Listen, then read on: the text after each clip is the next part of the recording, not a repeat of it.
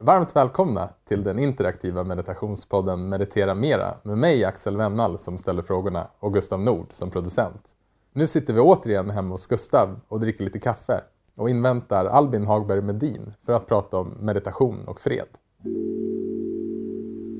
Albin Hagberg Medin är från skogarna norr om Göteborg men bor idag i Järna. 2011 blev han utbränd och lämnade en lovande karriär som kärnfysiker. Under den här tiden hittade han Vipassana.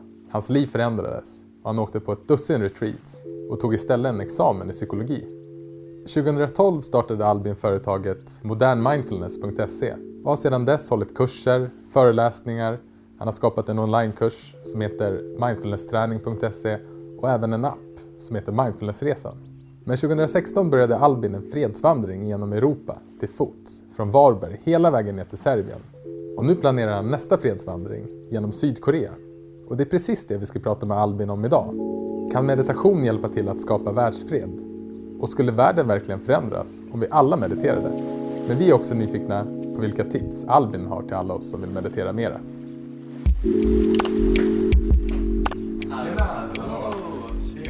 Välkommen! Tack så mycket. Hej! Albin. Tjena Axel, välkommen! Välkommen hem till mig. Ja tack så mycket. Hej Albin! Hej. Välkommen hem hit till Gustav. Tack så jättemycket. Vi ska ju prata med dig idag om meditation och fred. Precis. Men innan vi gör det så tänkte jag att vi kunde göra en kort landningsmeditation som eh, vi tre kan göra här. Ni två sitter i Gustavs soffa och jag sitter nere på golvet. Men om man lyssnar på det här avsnittet så kan man också göra den här meditationen vart man än är.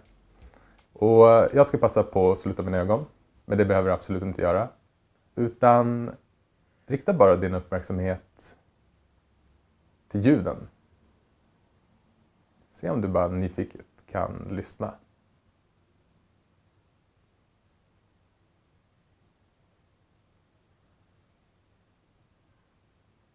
Notera att du inte behöver göra någonting utan ljuden uppstår och försvinner av sig självt. Du kan inte kontrollera vad du hör eller vad jag ska säga eller när jag säger det. Då se om du bara kan vara det här öppna utrymmet där ljuden får uppstå och försvinna.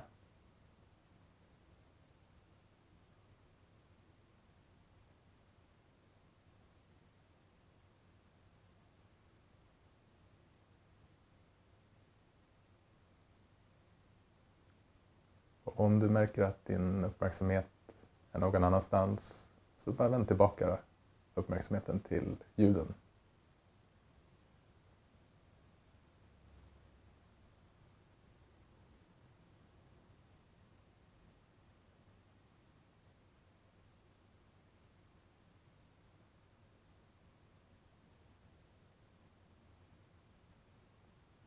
Okej, det var en kort landningsmeditation.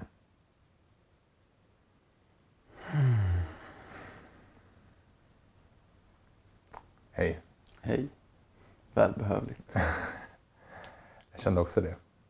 Jag och Gustav eh, var i Sri Lanka här för inte så länge sedan och på vägen ner så fick vi ett superpeppigt mail av dig. Mhm. Där du eh, presenterar dig själv och lite grann vad du höll på med. Och eh, skrev att du gärna ville komma hit och prata om meditation och fred. Och det ville vi såklart också göra. Så eh, jag, är, ja, men jag ser väldigt mycket fram emot att höra om, om dina tankar om hur du ser på meditation och hur det hänger ihop med fred och eh, om meditation verkligen skulle kunna leda till världsfred. Men hur kommer det sig att du börjar meditera? Bra fråga. ja, väldigt snabba korta svaret är bara stress, lidande, utbrändhet. Men Det började när jag läste teknisk fysik på Chalmers 2011 och höll på att ta min kandidatexamen. Och jag tror jag märkte det först i att väldigt många projekt jag hade framåt i tiden, tankar, kändes plötsligt väldigt betungande. Fast det var roliga saker så var det som att det blev en tyngd på dem. Och det kändes som åh nej, och så det och så det. Och sen så kom nästa grej, det var att jag inte kunde somna på nätterna. Och jag hade alltid innan dess bara somnat som en stock. Så här bara, pum! Och sen kom nästa grej, att magen började krascha. Jag liksom gick runt och rapade och hade liksom ont i magen, gaser och bara... Uh, inte bra liksom. Magkatarr. Och sen kom nästa grej, att jag fick så här hjärtklappning när jag gick i trappor. Och det här var en period där jag joggade liksom en mil två, tre gånger i veckan, tränade styrketräning två, tre gånger i veckan, klättrade. Det var liksom inget fel på konditionen, det var någonting annat. Så jag gick till massa olika läkare, eh, undersökningar och jag kände också ett tryck över bröstet som kom över en natt. Jag bara vaknade en morgon och så var det liksom vid plexus ett tryck som inte hade varit där innan, eller jag inte känt innan och bara, uff, kan inte andas djupt. Och jag jätteorolig för sjukdomar, liksom, och röntgade lungorna och ja, tog EKG och gjorde massa prover och varenda besök så var det samma resultat. Det var, ja men du är frisk som en nötkärna. Och droppen kom när jag var på ett läkarbesök. Det var säkert nummer tio liksom. Det var en ganska lång period det här. Eh, och han liksom kollade på mina prover som jag tagit innan. Jag berättade lite om mitt liv på så fem minuter och så sa han Ja, ja men du kan träna hör jag. Ja, nej men eh, du, du behöver nog bara ta det lugnt lite. och så satt jag där och var i mitt livskris liksom och få det här. Du behöver nog bara ta det lugnt lite. Mm. Det var som ett smäll på käften i så här frustration. Va, vadå ta det lugnt? Jag vet inte hur, hur jag tar det lugnt. Vad är det? Ge mig något jag kan göra liksom. Mm. Ja, han hade ju väldigt rätt på ett sätt. Jag behövde lära mig ta det lugnt. Och hur kom det sig att du lärde dig att ta det lugnt? Så? Ja, det var faktiskt så att jag redan när jag läste fysik så var jag väldigt intresserad av psykologi. Personlig utveckling och så. Jag hade halkat in på det några år tidigare. Och ehm, jag hade läst en bok ehm, med hjärnforskare som hade samtal med Dalai Lama. Med Daniel Goleman. Och jag minns när jag läste den boken så var det något som bara så här. Hmm, okej, okay, de forskar på det här och de mäter med EEG att det händer något i munkarnas hjärnor när de mediterar. Och något så här, litet ljus gick upp bara, ah, då kan det inte vara helt flummigt med meditation. Om det händer något i hjärnan. Ah, då får jag i alla fall ge det ett försök. Så googlade jag och hittade um, något som hette Vipassana så här, eh, någon kurs i Ödeshög utanför Jönköping och bara tio dagar. Så står det på hemsidan bara, obs, det här är ingen religion, bara, det är bara en meditationsteknik. Det låter ju helt perfekt. Så, så åkte jag dit, tio dagar tystnad, meditation från halv fem på morgonen till åtta på kvällen.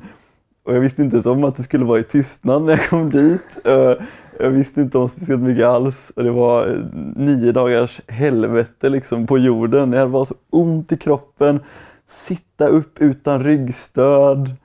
Ja, det var, det var fruktansvärt. Men meditationstekniken hjälpte ju lite grann. Så dag nio så var det något som verkligen släppte trycket i bröstet och bara kände jag kan andas igen. Och när jag kom ut därifrån den tionde dagen så var det som att sväva nästan. Jag kände som att jag släppt fem ryggsäckar med betong av tyngd bakom mig. Och jag insåg att oj, det här vill jag göra mer av. så då halkade jag helt in på meditation. Verkligen. Så det här retreatet, det var din första kontakt med meditation? Ja. Okej, okay, wow. Ja. Det är ju det är inte det jag rekommenderar till folk att åka på tio dagars tystnadsretreat som första grej. Nej, nej. Mm. Vad, vad tror du hände då liksom, när det släppte? Vad... Ja, jag, jag lärde mig att vara med det, det lidandet inombords, det motståndet med, med medmänsklighet och värme så att kroppen kunde slappna av och känna sig trygg. Att det var den här liksom spänning och motstånd inombords och jag hade aldrig lärt mig att vara med det. Så istället för att känna det så har jag bara försökt fokusera utåt i projekt och göra saker och skärmar, distrahera mig från det här och liksom bara fly från det.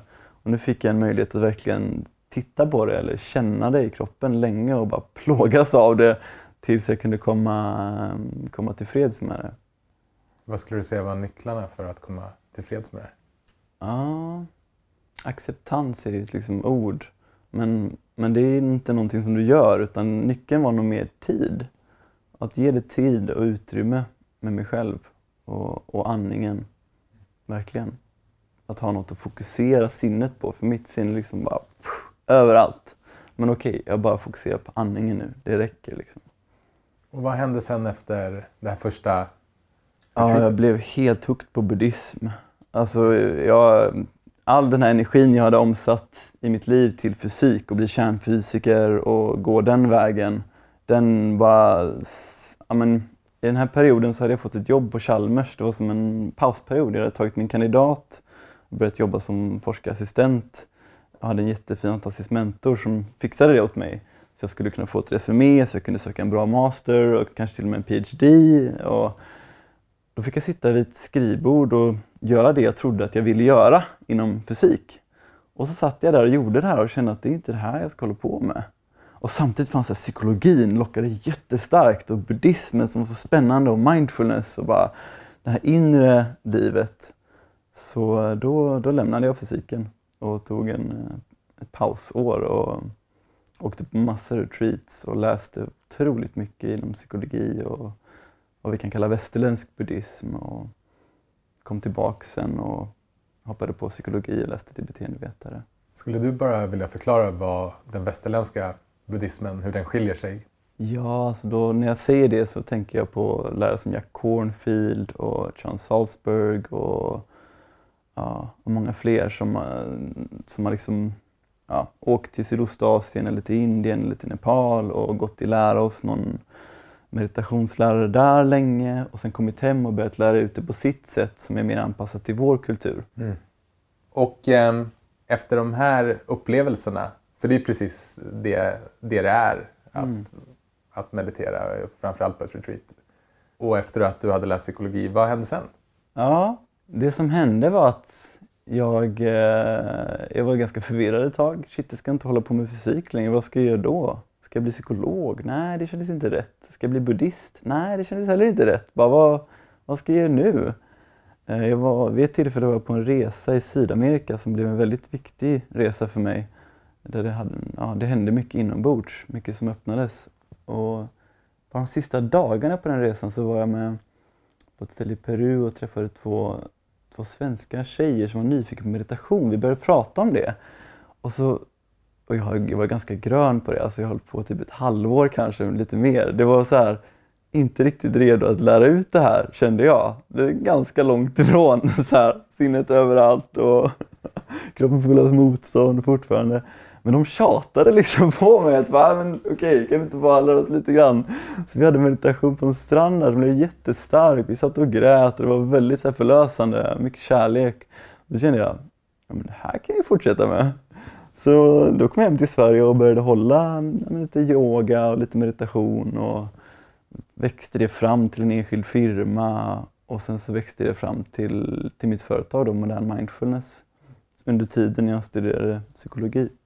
Och vad har du gjort i Modern Mindfulness? Kan du inte berätta lite grann om det? Jo, men det började med att hålla kurser i Göteborg, droppa in gratis grejer, på gym och så känna jag att ah, okej, okay, men det här var lite klurigt. Hur ska jag kunna försörja mig på det här? Oj då. Men sen så, ja men, bara en dag så ringde Akademihälsan mig som var så här studenthälsoföretag och hade hört att jag höll meditationer och de behövde någon som kunde hålla det. Så fick jag en fantastiskt uppdrag av dem att hålla kurser för studenter på Göteborgs universitet och Chalmers. Där studenterna kom gratis och jag fick betalt. Så det var så här, perfekt deal. Så det höll jag i massa år, de kurserna eh, vårtermin, hösttermin. Och sen så höll jag lite uppdrag på företag, föreläsningar, workshops. Och sen så kom det till en punkt 2014 där jag kände att shit, det, ja, jag vill verkligen, det är så mycket jag vill dela på en kurs och jag vill kunna dela det till andra än de bara som kommer till den här kursen. Så då skapade jag en onlinekurs. Ganska stort projekt blev det. Jag filmade och spelade in massa guidningar och skrev jättemycket inom modern psykologi, då, olika teorier och forskning och hjärnforskning. Så då, då blev den den nya grejen liksom. Och sen 2016 så kom det in två nya människor i mitt liv som gick in i företaget som delägare. Och då kunde vi äntligen realisera en dröm jag haft jättelänge om att skapa en app mm. som var lite lekfull, som ett spel. Så då skapade vi den då, Mindfulnessresan-appen. Så det var hela mindfulness-karriären liksom, på något sätt. Och sen kom fredsvandringen in i bilden som var något helt annat. Jag läste någonstans att det hände ett par märkliga saker som föranledde den här fredsvandringen. Ja, det var väldigt märkligt. Vad hände? Verkligen. Ja, det började väl med när jag var i Sydamerika på ett annan resa mm, några år senare. Eller egentligen började väl lite innan. Jag var i Norge några veckor på en vildmarksretreat själv med tält. Och eh, bara levde i vildmarken länge, liksom tre veckor för att meditera och vara med mig själv. Och, och ja, det finns en tradition, det finns flera traditioner i Nordamerika, ur, urfolken, som kallas Vision Quest. Okay. Där det, mm, förr i tiden, för, eller kanske också idag, så gick unga människor ut i skogen när de skulle gå in i vuxenlivet för att veta vad är deras kall här på jorden. Och så kände jag, shit, jag, är, jag har fortfarande ingen aning. Det är nog dags att göra det där. Jag träffade en meditationslärare på, ett, på en konferens i Tällberg som, som höll på att göra det. Han tog människor ut i skogen så de fick vara med sig själva i närvaro i naturen och mm. ja, komma underfund med, med sig själva och livet lite mer. Så under de tre veckorna så hände det inte så mycket faktiskt. Det var mest kallt jag satt på en sten och frös. Men efter så hände det lite mer saker. Det första som hände var att jag läste en bok av Thich Nhat Hanh som är en zen-buddhist och fredsaktivist eh, från Vietnam. Peace in every step hette den. Mm. Väldigt berörd blev jag djupt av den. Och kort därpå så stod jag och gjorde lite qigong som jag också har hållit på med ett tag och då såg jag mig själv liksom vandra över USA på något konstigt sätt. Jag bara som en bild som var så här, oj vad konstigt. Och jag vet inte mycket för vandring så egentligen. Innan dess i alla fall. Och sen så började jag liksom gå mycket. Jag började så tälta mycket ut i skogen. Bara som dragning ut i skogen och vandra. Och sen så mm, 2015 så var jag i min pappas trädgård och gjorde lite qigong igen. Då hörde jag en röst som var liksom, gå till Syrien. För fred. Jättemärkligt liksom. Och det var sån, det var så lite som en känsla av att så här, gå på toaletten nu eller så här. Det var så uppenbart att det här ska jag göra liksom. Det var inte så här, um, det var inget konstigt i det. Det var det, ja, okay, väldigt vardagligt liksom, men det var en väldigt stor grej liksom. Men det var så, så på något sätt så blev det så att, men det här ska jag göra. Och sen när jag var på väg att börja den här fredsvandringen då, någon, bara någon vecka innan så satt jag i några ceremonier eh, med massa fredsböner från hela jorden, massa religioner och grät jättemycket och så kände jag bara, nej men jag ska inte gå till Syrien, jag ska gå till det blir världsfred. Så det fortsatte liksom den här och, och, växte fram någon slags fredsvandring i de här liksom, tankarna då som var ganska stora på något sätt. Och, och sen började jag på den här fredsvandringen utan att riktigt veta vad, vad fred är och vart jag ska ta vägen. Men det var jag och en kär vän då, Fredrik, som började vandra från Sverige, lilla Varberg, 2016. Och när du säger fredsvandring, ja. på vilket sätt är vandringen för fred? Ja, det var bara avsikten. Kort och gott, intentionen i oss var fred. Mm. Verkligen. Och, men att lära känna fred, förstå fred i oss själva. Hur kan jag leva ett fredligt liv? Men också fred politiskt, på jorden, globalt. Det är så, det är ett så brett ord. Det, liksom, hur kan jag ha fredliga förhållanden med min partner eller min familj? Mm. Ja, väldigt stort ord. Så det fanns ju mycket att lära. Mm. Och uh, resan började då i Varberg. Ja. Hur, uh, hur länge var ni ute? Ja, alltså vi vandrade tillsammans genom Sverige en månad och sen två månader i Danmark. Och sen åkte Fredrik hem till Sverige och jag fortsatte vandra tre månader till genom Tyskland. Och det var liksom första etappen. För sen när jag kom till slutet i Leipzig så fick jag en känsla att nu behöver jag åka hem ett tag. Det var vinter också, så det, det hörde ju till. Mm. Så då var jag hemma i Sverige den vintern och sen så åkte jag tillbaka och fortsatte från Leipzig och andra. Mm. Och sen slutade det nere i Serbien eh, för, förra året. Då. Och hur länge, var du ute, hur länge har du vandrat totalt? Ja, det blev 12 månader totalt. 12 månader? Ja. Okej. Okay. Hur kommer det sig att du slutade i Serbien? Ja, det var väldigt märkligt. Mycket, den, vandringen slutade lika märkligt som den började nästan. Jag var nere i Serbien då och min dåvarande partner som vandrade med mig mycket det året. Hon åkte på ett retreat och jag skulle fortsätta vandra. Jag hade en sån konstig känsla av att jag ska inte hålla på med saker själv längre. Och så ändå var jag där och var, gjorde den här vandringen så plötsligt själv. Det blev som en ensamvarg-grej liksom. Och så bara, ah, ja, jag ska bara gå lite tag till. Sen så kommer säkert någon, och, för ofta kommer det folk och slöt upp liksom i vandringen. och gick med ett tag. Och på en och samma dag sen så började det med att jag skadade foten med att trampa upp snett på en pinne som liksom smutsig vass pinne rätt in i foten. Och sen gick jag förbi några vildhundar som attackerade mig.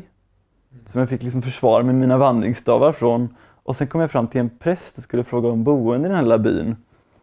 Och han var jättesnäll, men på ett väldigt snällt sätt sa att nej, tyvärr, jag kan inte hjälpa dig här. Du kommer ha jättesvårt att hitta ett boende här. Du borde åka tillbaka till Belgrad.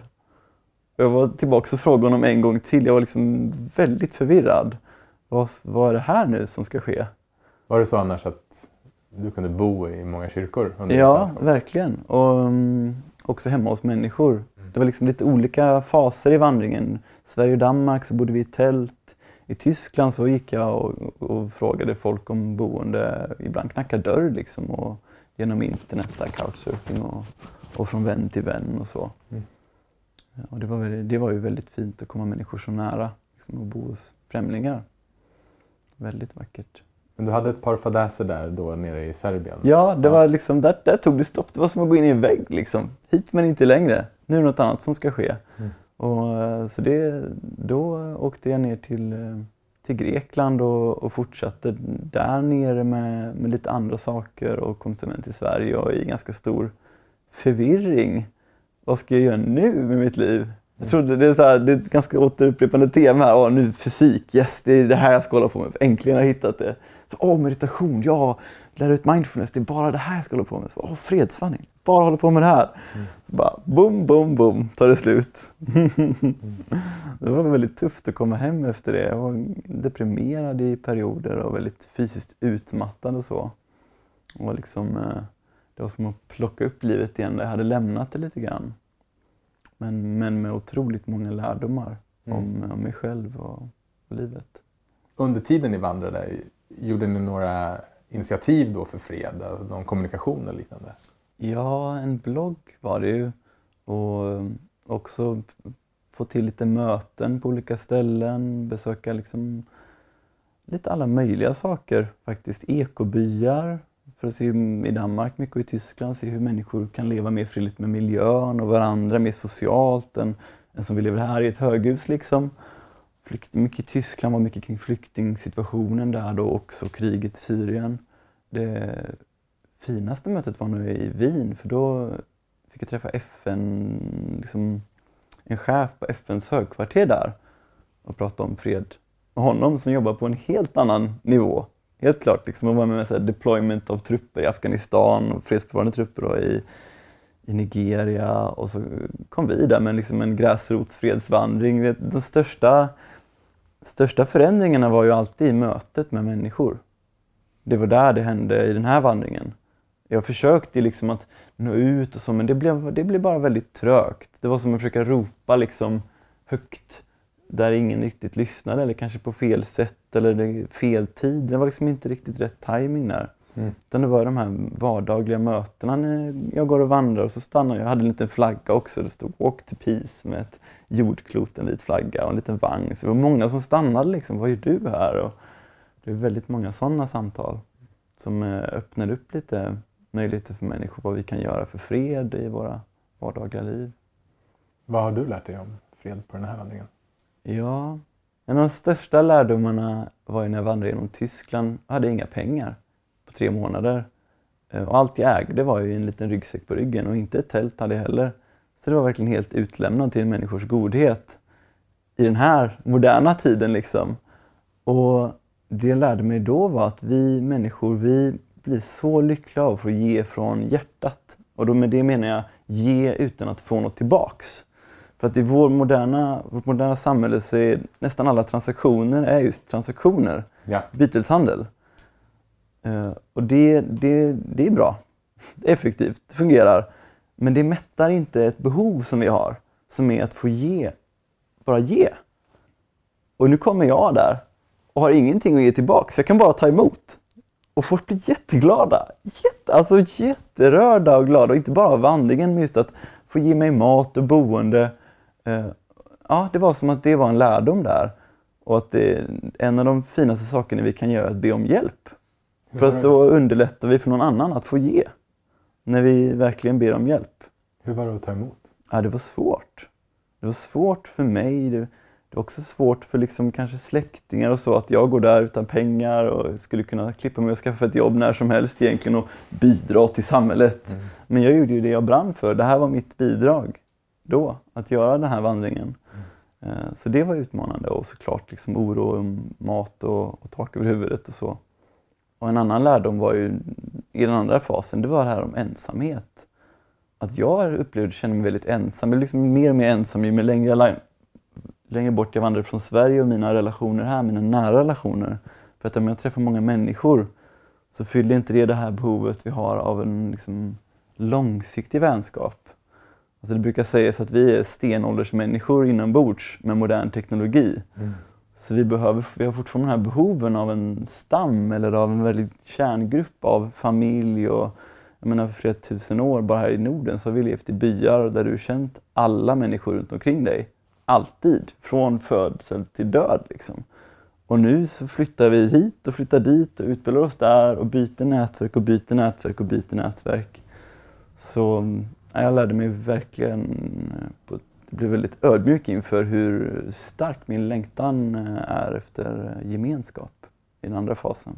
Och inte bara i mig själv, utan jag kan ju också då börja se det att oj, vad vi längtar efter det. Och så mycket av vår stress som handlar om att den, det behovet av nära relationer inte är tillgodosett. Sen är väl också en viktig del att det, freden kommer på alla nivåer. Liksom. Det är inte bara det politiska, men det är heller inte det bara liksom inom mig. Och det är inte bara mellan oss här i en liten grupp, utan det är verkligen på alla nivåer hela tiden som vi, som vi kommer nämna, närmare den. Mm. Och sen efter att du hade kommit hem mm. och insåg att nu är det här slut. Mm. När fick du idén att du ville göra en tillvandring? Ja, det var ju liksom, det var snarare tvärtom. Jag fick bromsa mig själv. För jag hade hela tiden en känsla att jag ska fortsätta vandra, fortsätta vandra. Men så, så var det ganska stark konflikt med mina behov att, att bilda mig ett liv här i Sverige nu och gå tillbaka till mitt företag som var på väg att gå i konkurs och hitta tillbaka till mig själv igen. Från Albin som vandrade till Albin som lever här i Sverige. Så mm, det var en ganska lång fas. Jag är liksom mitt i den fortfarande. Och Sen fanns det ett frö av en, att fortsätta vandringen då i Sydkorea och Japan och vidare. Så. Och det, det är fortfarande ett frö. Det är fortfarande ett frö? Mm. Så du märker att du hamnar i konflikt mellan de här starka känslorna av gemenskap och eh, närhet men också vad som låter som ditt kall att vandra. Finns det en konflikt däremellan?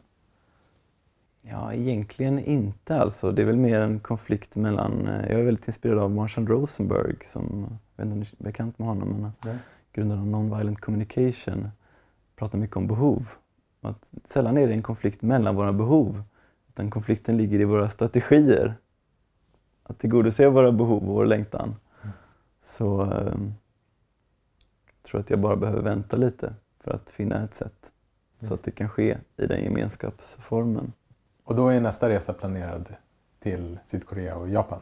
Precis, framförallt Sydkorea till hösten. Just det. Och hur kommer det sig? Jo men det är en rad, också en rad händelser där jag kom i kontakt med en amerikansk kvinna som heter Cynthia som blev som en andlig mentor till mig i att arbeta för fred på ett väldigt abstrakt sätt alltså, för många människor. Eh, flummigt för andra människor.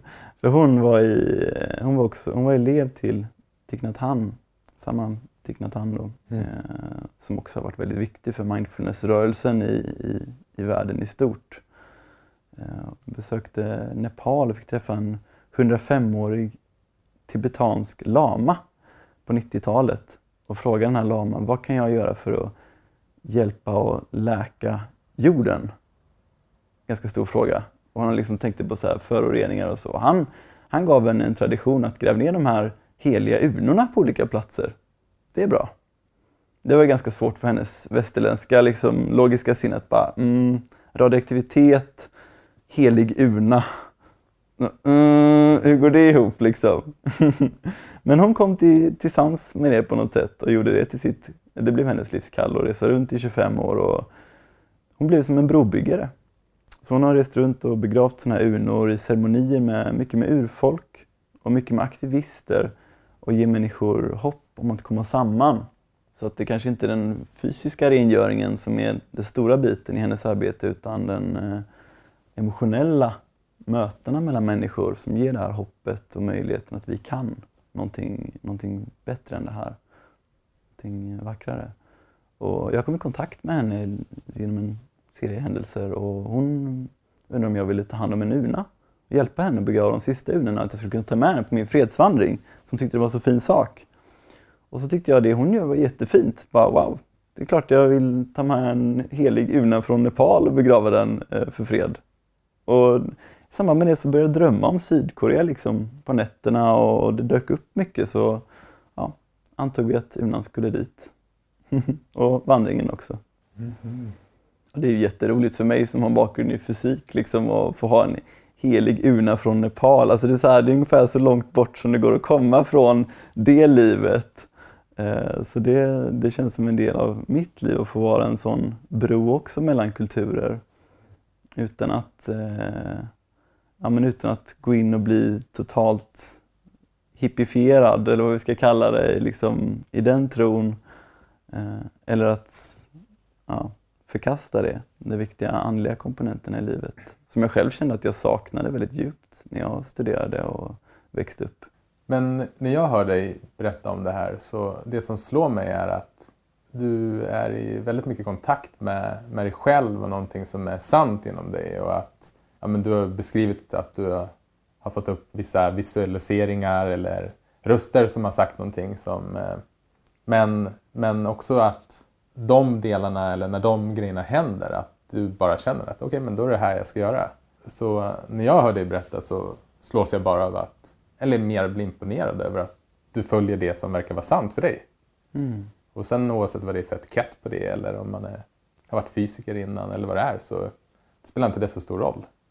Men om vi vänder frågan lite grann till meditation och fred. Mm. Hur ser du att meditation kan bidra till fred? Jag ser att det fyller en enorm lucka i, i vad vi kan kalla det sekulära samhället. Och med det menar jag både väst, alltså USA, Europa, men också öst i Kina. Mm. För i alla de här stora civilisationerna så finns det gemensamt att vi, vi, har, inte, vi har släppt religionen. Liksom.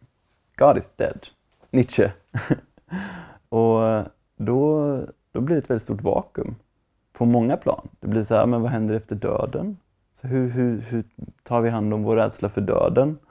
Hur, var är vår etik? Vart tar den vägen? En av mina främsta inspirationskällor, Martin Luther King, höll väldigt många tal där han om på gång på gång berättade hur vi har tappat viktiga moraliska värderingar i vår strävan efter teknologisk utveckling och liksom framgång. Att vi måste gå tillbaks, vi måste ta ett steg tillbaks. Och det handlar om att gå tillbaks till stenåldern och det handlar inte om att vi ska börja stena folk igen. Liksom, det, det är någonting annat vi har tappat där som vi med vår liksom, visdom kan hitta tillbaks till. Och jag tror, jag ser att meditation kan fylla många av de behoven. Inte minst behovet av att ha en, få en stund med oss själva. Som är också en väldigt stor brist på. Mm. Egen tid. Bara, nu är det här tid för mig. Där jag ser till vad mina egna behov är. Där jag inte är på jobbet och ska tillfredsställa något jobb, liksom, ja, behov här eller min familj, mina barn eller min partner, mina vänner. Utan det här är min tid och det är väldigt svårt för oss att ta oss den tiden. Vi är väldigt upplärda i en kultur, upplever jag i alla fall, där vi ska, vi ska göra saker för andra hela tiden. Och gör vi saker för oss själva, då är det egoistiskt och så är det väldigt skam, skambelagt. Men faktum är, upplever jag, att när jag inte tar hand om mina behov, då försöker jag få dem tillgodosedda på väldigt tråkiga sätt. Alltså. Då, blir jag, då, liksom, då blir det någon slags manipulativ grej eller så här, det kommer in någon väldigt tråkig eh, känsla i hur jag försöker tillgodose mina behov. När jag inte tillåter mig själv att se mig som en människa som behöver trygghet, jag behöver liksom, boende, jag behöver nära relationer, jag behöver ta hand om min kropp, min fysiska hälsa och mitt inre liv. Och allt det där, det, det, är det vi gör i meditation. För mig i alla fall så är det att gå inåt till andningen, gå till min kropp, till vad jag känner i stunden, tror lite mindre på de här tankarna om allt jag måste göra, som ska komma sen och allt som hände och vad folk sa och vad de tyckte. Verkligen gå till mig en stund för att vara mer sann. Mm. Ja, det är intressant det här med hur vissa kan se på meditation. För jag har ju fått frågan ett par gånger om, om inte meditation i själva verket så här, stärker egot. Att det finns en egocentrering i, i att vi sitter och tar den här tiden för oss själva. Men jag kan liksom bara prata utifrån egen erfarenhet och, och jag håller med dig till 110 procent där att det är när jag tar mig tiden och mediterar som jag också får kraft att ge. Alltså, och då pratar jag inte om att skapa världsfred, för det är inte jag, men bara kunna vara, bara, bara vara med min flickvän eller vara med Gustav som jag jobbar med. Att bara, hej, jag är här. Och när jag inte tar mig den här tiden, då är jag inte ens här. Och det kanske är därifrån kulturen det kommer att, att vi har den här missuppfattningen att man hela tiden behöver finnas till hands för andra. Men man kan inte vara för andra om man inte i grund och botten är sig själv. Och det kanske till och med är så att många av oss, och så var det nog för mig, att jag var aldrig riktigt i kontakt med mig själv innan jag började meditera. Så jag visste inte heller hur det kändes. För det är ju en, en upplevelse. Mm. Att vara i, med sig själv mm. fullt ut. Mm. Och lite som du pratade om innan, att det här med att ge utan att få någonting tillbaka, utan att någonting är en transaktion. Mm. Den känslan har också kommit mer och mer starkt efter ju mer man, jag har mediterat i alla fall. Att komma i kontakt med det. Mm. Hur eh, använder du meditation på din fredsvandring? Som ett sätt att mm, hitta tillbaka till mig själv varje morgon. Mediterar du varje morgon? Ja, det blev det. Också ibland blev ju vandringen medit meditativ när vi gick i tystnad, långa sträckor. Något ja. som dök upp i mig på vägen hit, ja. Eh, när jag satt på bussen här bara, det var i, kort och gott så här. Du kan leva i en hydda och hur lycklig som helst. Och du kan leva i ett liksom, top floor New York City upstate penthouse och ha fem miljarder och vara miserable. Och att det var där meditation kommer in för att fylla ett hål i vår kultur som är så fokuserad på materiell utveckling. Alltså mer, mer knä, korsbandsoperationer och, och, det är ju fantastiskt att vi kan få benet tillbaks liksom. Och det behövs någonting mer också i vår kultur. Den inre utvecklingen. Och att där kommer meditation verkligen in. För att det som, är det, det som snart är det största konfliktbringande problemet på jorden, det är den globala uppvärmningen. Det är det som driver flest konflikter mellan människor bristande åtgång på vatten driver människor från sina odlingsmarker in i städer, krockar mellan kulturer och den drivs av vår konsumtion. Och den konsumtionen drivs av, som jag ser det, vår brist på ett förståelse för våra egna grundläggande behov som människa. Och där kan meditation verkligen bidra. För att komma tillbaks till mig själv och komma tillbaks till vad jag behöver i stunden just nu för att må bra egentligen? För jag har lärt mig att jag behöver en ny t-shirt för att må bra. Och jag har lärt mig att jag behöver åka till Thailand nu för att må bra. Och jag har lärt mig av min, liksom, min, min omgivning att jag behöver köpa den här nya saken för att må bra. Men egentligen är det inte riktigt det ofta jag behöver på riktigt för att ha ett mer varaktigt välmående. Då är det troligare att jag behöver prata ut med någon som jag har en konflikt med eller att jag behöver stöd från en vän eller att jag behöver vara i mer sociala miljöer eller mindre sociala miljöer eller jag behöver äta någonting. Ja, det finns många sådana andra djupare behov. Och att jag behöver lära mig tro lite mindre på mina tankar. Om man lyssnar på det här och så hör man att ja, men nu kan man börja meditera men då fick man inte köpa den här t-shirten eller resa till Thailand. Hur tänker du om det? Ja, där måste vi alla finna vår balans i, eh, i hur mycket kan jag vara en del av den här kulturen som är destruktiv och hur mycket kan jag vara del av en annan kultur som är mer konstruktiv. Och för mig är det, det, det är liksom en livsuppgift som vi alla har just nu.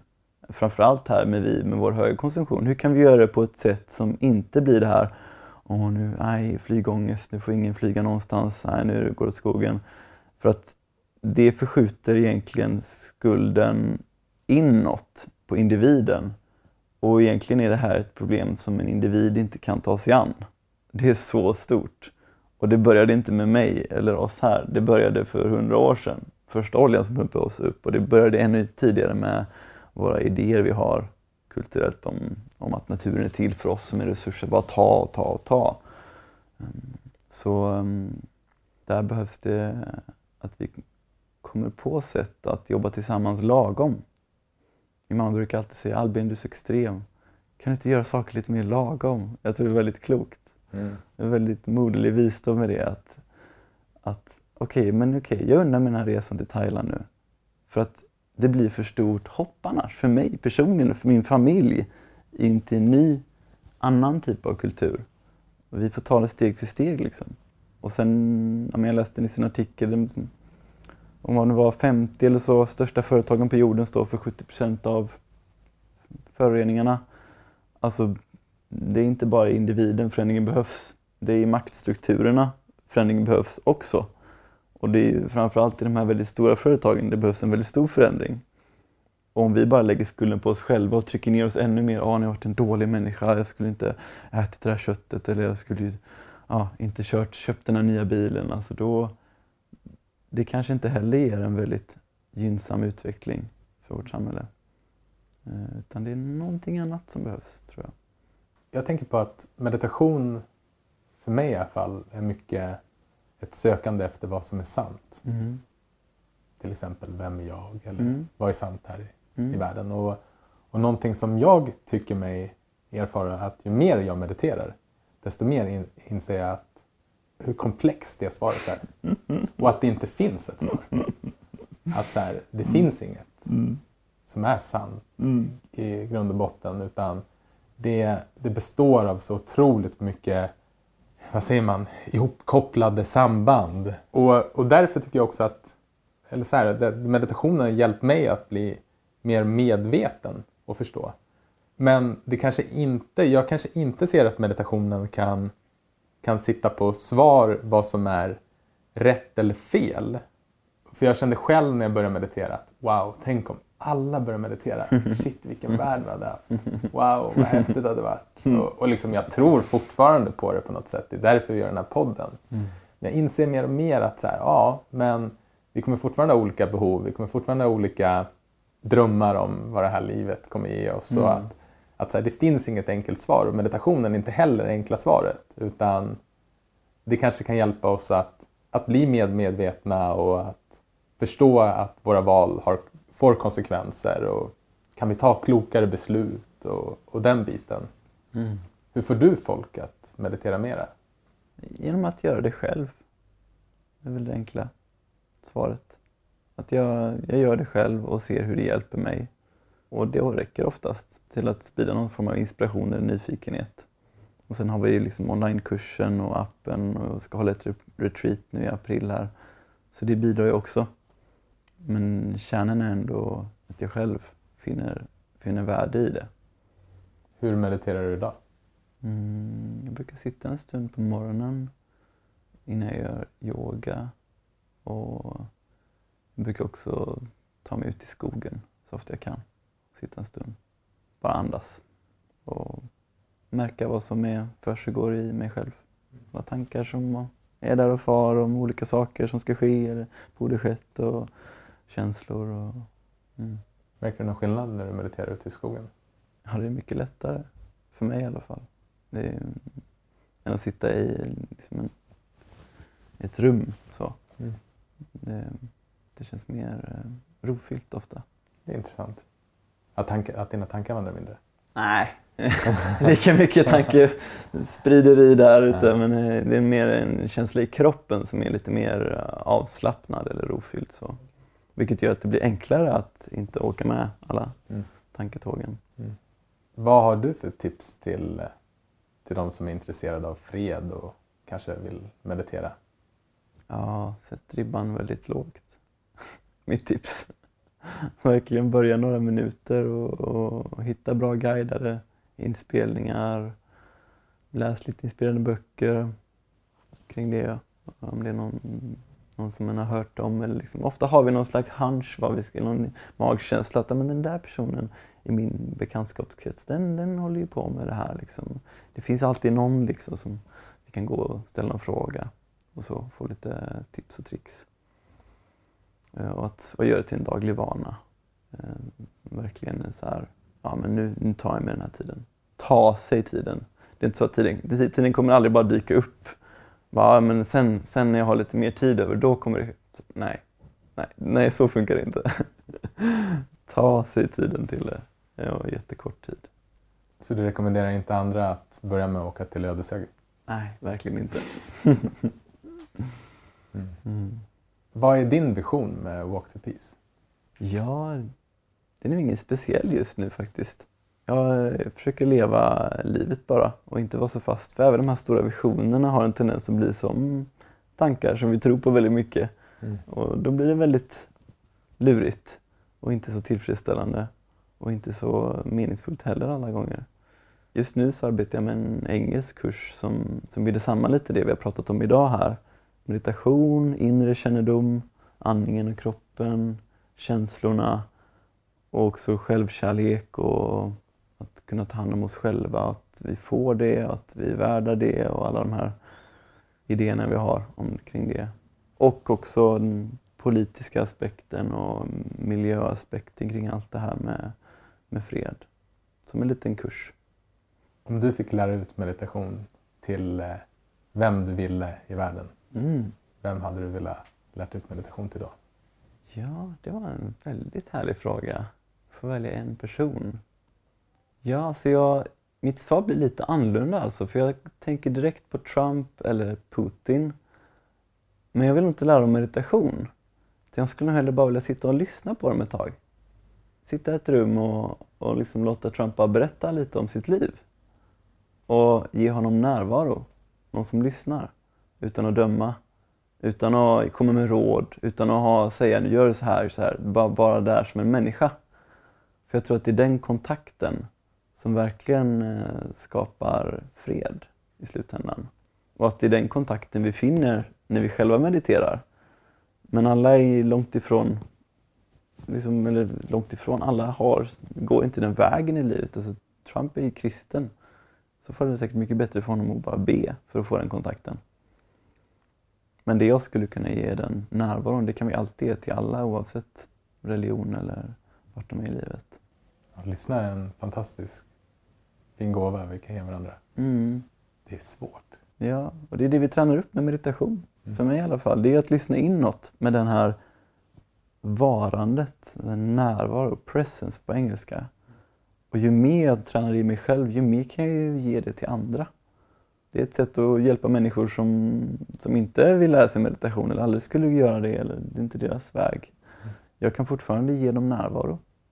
Jag tänker att meditation har den unika egenskapen att det är en mental träning där vi verkligen får lära oss att kunna bevittna våra tankar. Mm. Att kunna se att vi har våra tankar lite utifrån. Mm. Och många av de konflikter vi har i världen och även i våra egna liv, alltså konflikter vi har med oss själva, vi kan börja där, eller med mm. vår familj, är ju baserade på att vi tror på det vi tänker. Mm. Och jag menar, alla vi som mediterar vet ju att våra tankar är helt galna. Det är, mm. alltså det är helt, det är helt sinnessjukt va? hur det håller på ibland. Mm.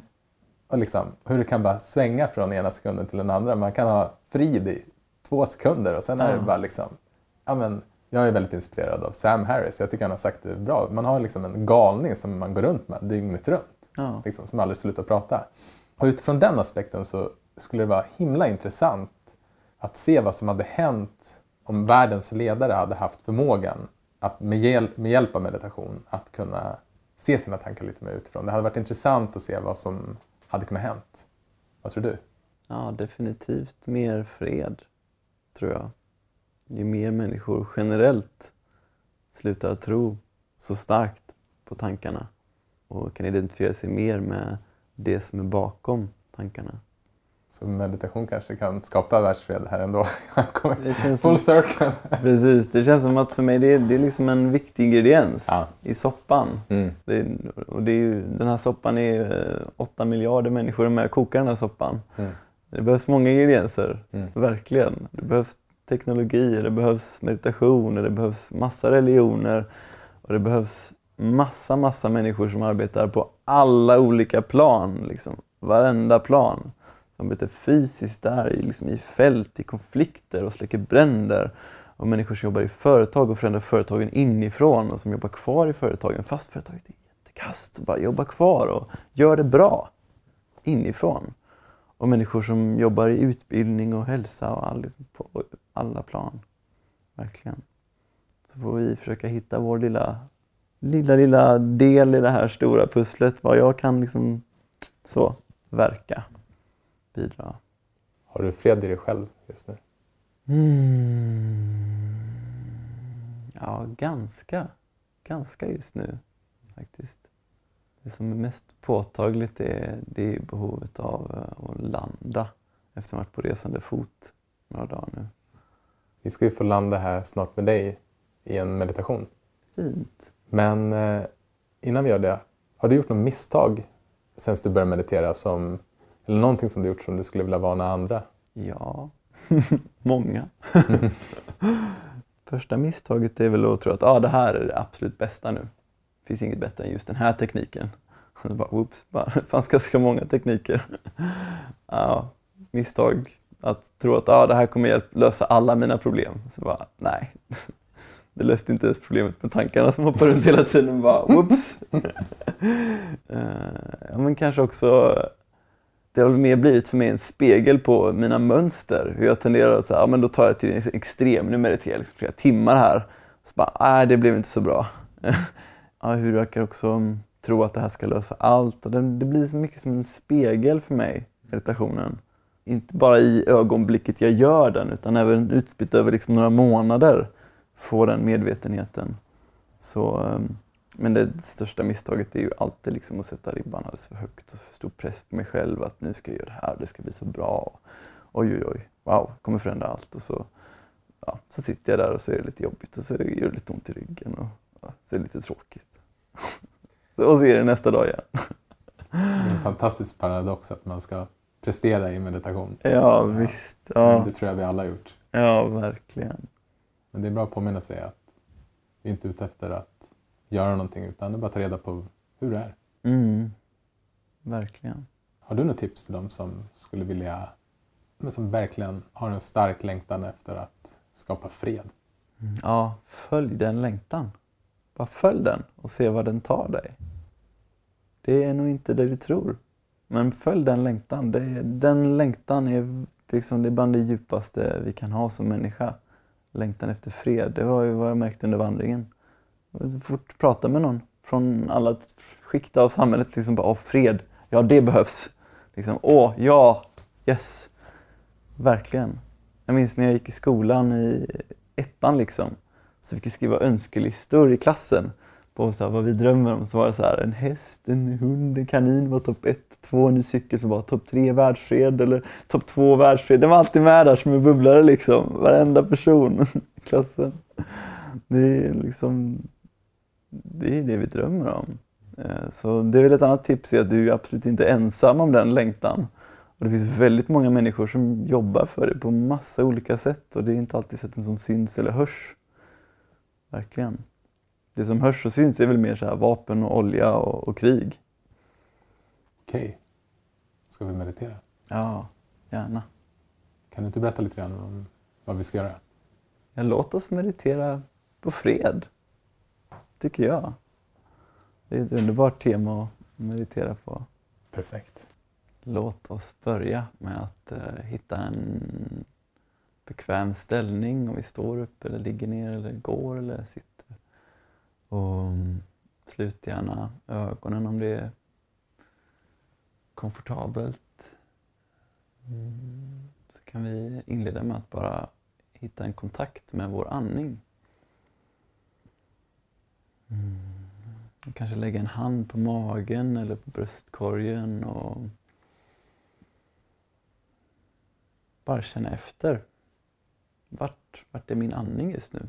Är den snabb eller är den långsam? Är den så trög eller jättejobbig eller skön? Och att den får vara som den är nu. Det här, det här är vad vi känner i stunden.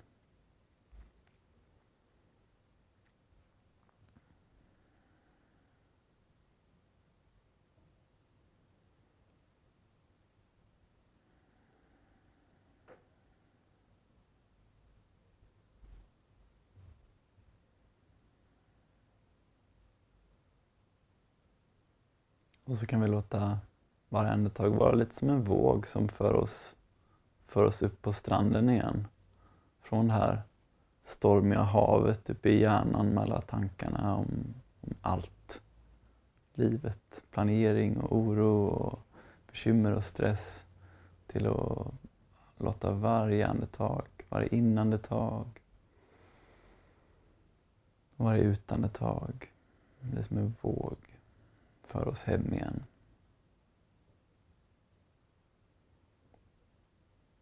Hem till det här ögonblicket.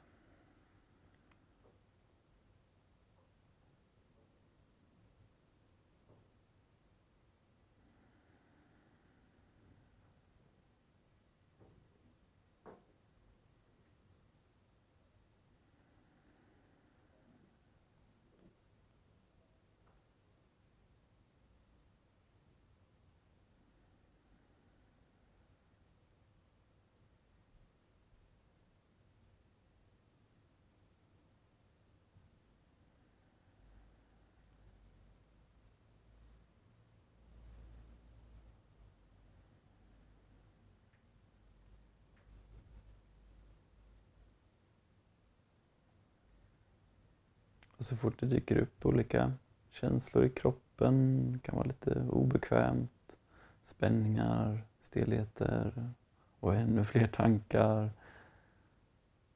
Så kan vi bara låta det vara. Det är jättesvårt. Men vi har vår hjälp med andningen. Här finns det någonting vi kan eh, förankra oss i. En rörelse.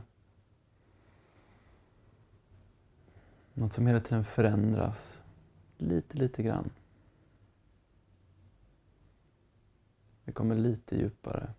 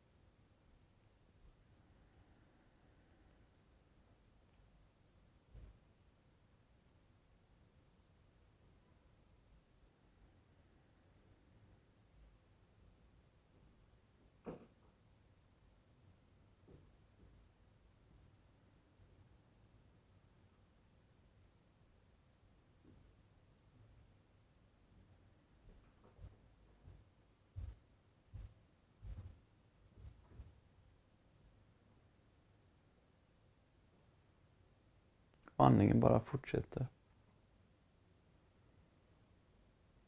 Vi andar oss genom livet.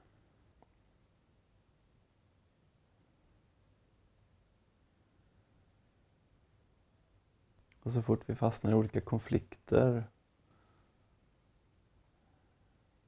i huvudet, om hur saker borde vara på ett visst sätt och inte borde vara på ett annat sätt. Och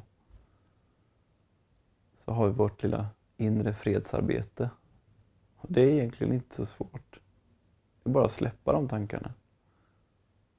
Åka med den här vågen, andningsvågen, neråt.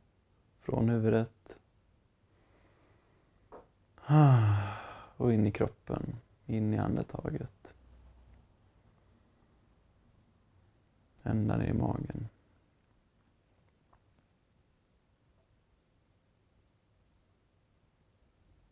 Vi behöver inte ens lösa de här konflikterna.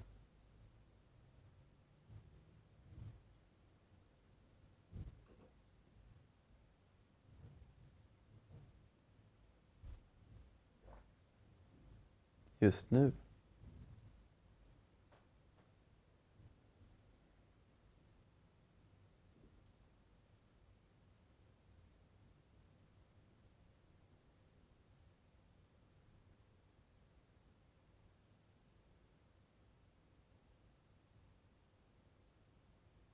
Viktigaste steget, det är att börja med andningen. Börja med kontakten med oss själva, vår egen kropp.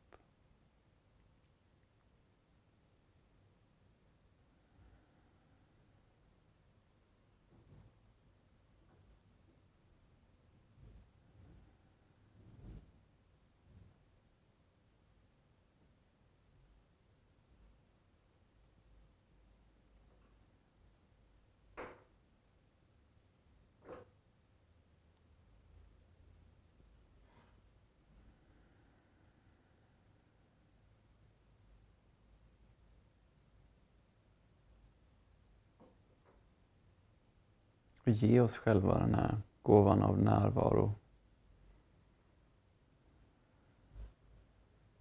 Bara vara här.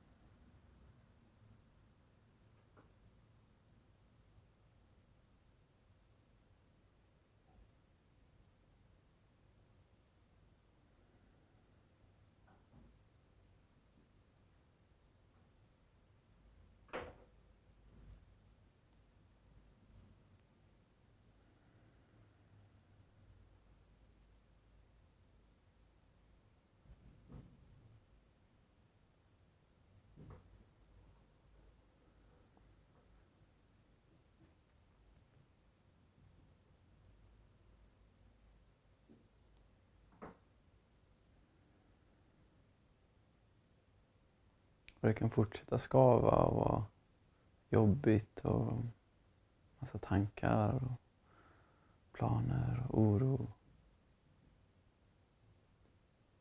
Och det enda vi behöver göra är att hitta tillbaks till andningen.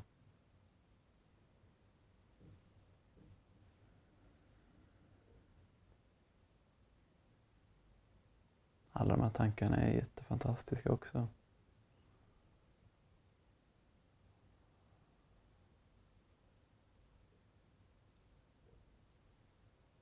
Men det är först när vi känner den här kontakten som vi kan använda tankarna. Planera och lösa. Utan kontakten så blir vi slav, styrda av dem.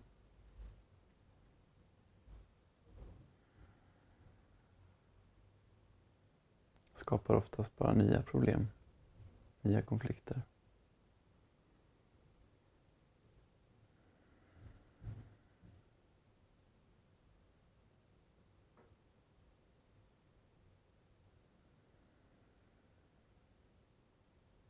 Och vi kan utforska i andetaget vad det finns längst, längst där inne i oss själva. Djupt innanför andningen, kroppen. För oftast finns det ett frö som vill väldigt väl. Det finns en väldigt känslig del av oss själva som vi väldigt sällan har fått uttrycka, istället fått skydda. Den här delen, den vill väl. Det är den här delen som bara vill ta hand om oss och vill att det ska gå bra för oss och vill att det ska gå bra för hela jorden. Det är här den här längtan till fred kommer ifrån. Det är som väldigt oskuldsfullt och fragilt sårbart.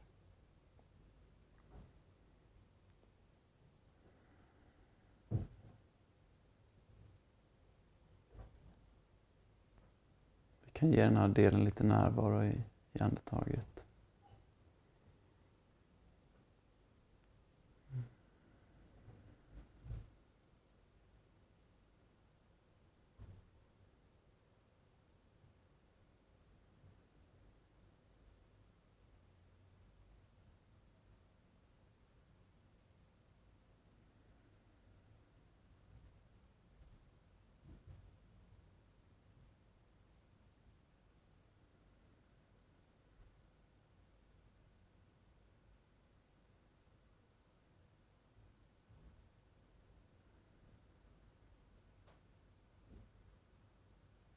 Är som att hålla om oss själva.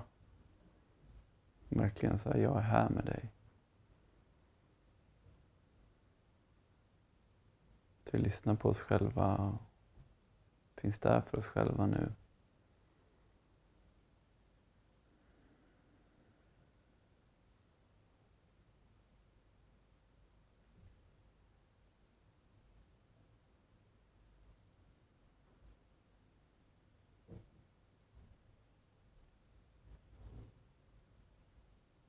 Och bara stannar i andningen.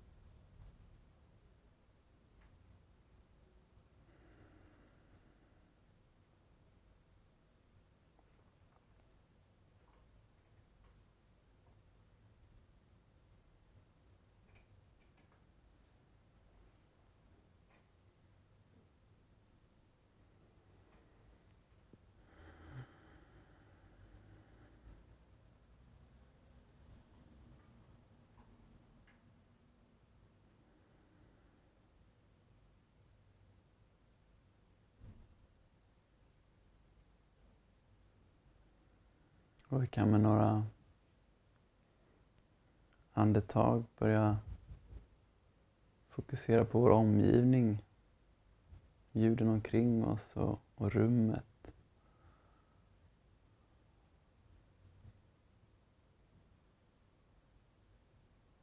Och se om vi kan gå ut ur den här meditationen och ha kvar den här kontakten i andningen.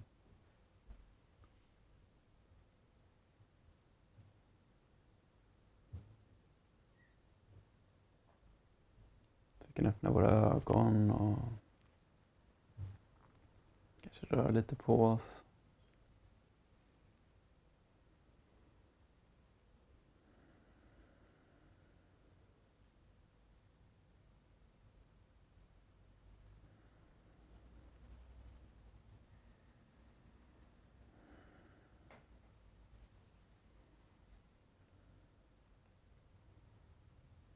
Och ta med andningen resten av dagen.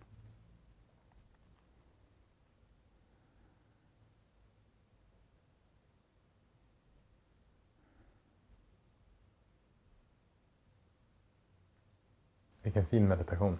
Mm. Tusen tack. Tack. En sak som kom upp för mig var inre frid, yttre fred. Och jag vet inte om mitt kall är världsfred men jag vet att, att komma till den här platsen och att meditera hjälper mig i alla fall att ha mindre konflikter med mina nära och kära. Det är stort. Mm. Känner jag själv att det, det är där freden börjar för mig. De här relationerna. Innan vi ska släppa iväg dig så eh, tänkte vi kolla med dig om, om det var någon gäst som du skulle vilja lyssna till i Meditera, meditera Mera. Ja, alltså Björn Navid hade ju varit väldigt fint att lyssna på. Björn Nattiko, om du känner till honom. Mm. Kanske också Navid, jag vet, jag tror de båda mediterar en hel del. Tack. Mm. Och om man vill komma i kontakt med dig, hur gör man det enklast? Enklast är att kika på hemsidan modernmindfulness.se där det står om våra kurser och retreats och eh, där det står om onlinekursen då. Tusen tack för att du kom hit idag. Tusen tack att jag fick vara här. Mm. Jättehärligt. Tack för att du har lyssnat på det här avsnittet av Meditera Mera med Albin Hagberg Medin. Vi hoppas att du har blivit inspirerad av vårt samtal och av Albins meditation. Om du vill komma i kontakt med Albin hittar du hans kontaktuppgifter på vår hemsida, www.breedin.se. Vi som gör den här podden är jag, Axel Wennhall, som arbetar som meditationscoach och Gustav Nord, som driver produktionsbolaget FlipFlop Interactive. Och wow! Jag och Gustav skulle bara vilja ta tillfället i akt att tacka alla er som lyssnar. Och nu när vi spelar in det här så är det 25 000 nedladdningar. Så stort tack! Och är det något vi tar med oss från vårt samtal med Albin så är det att det kanske inte är så farligt att fråga om hjälp.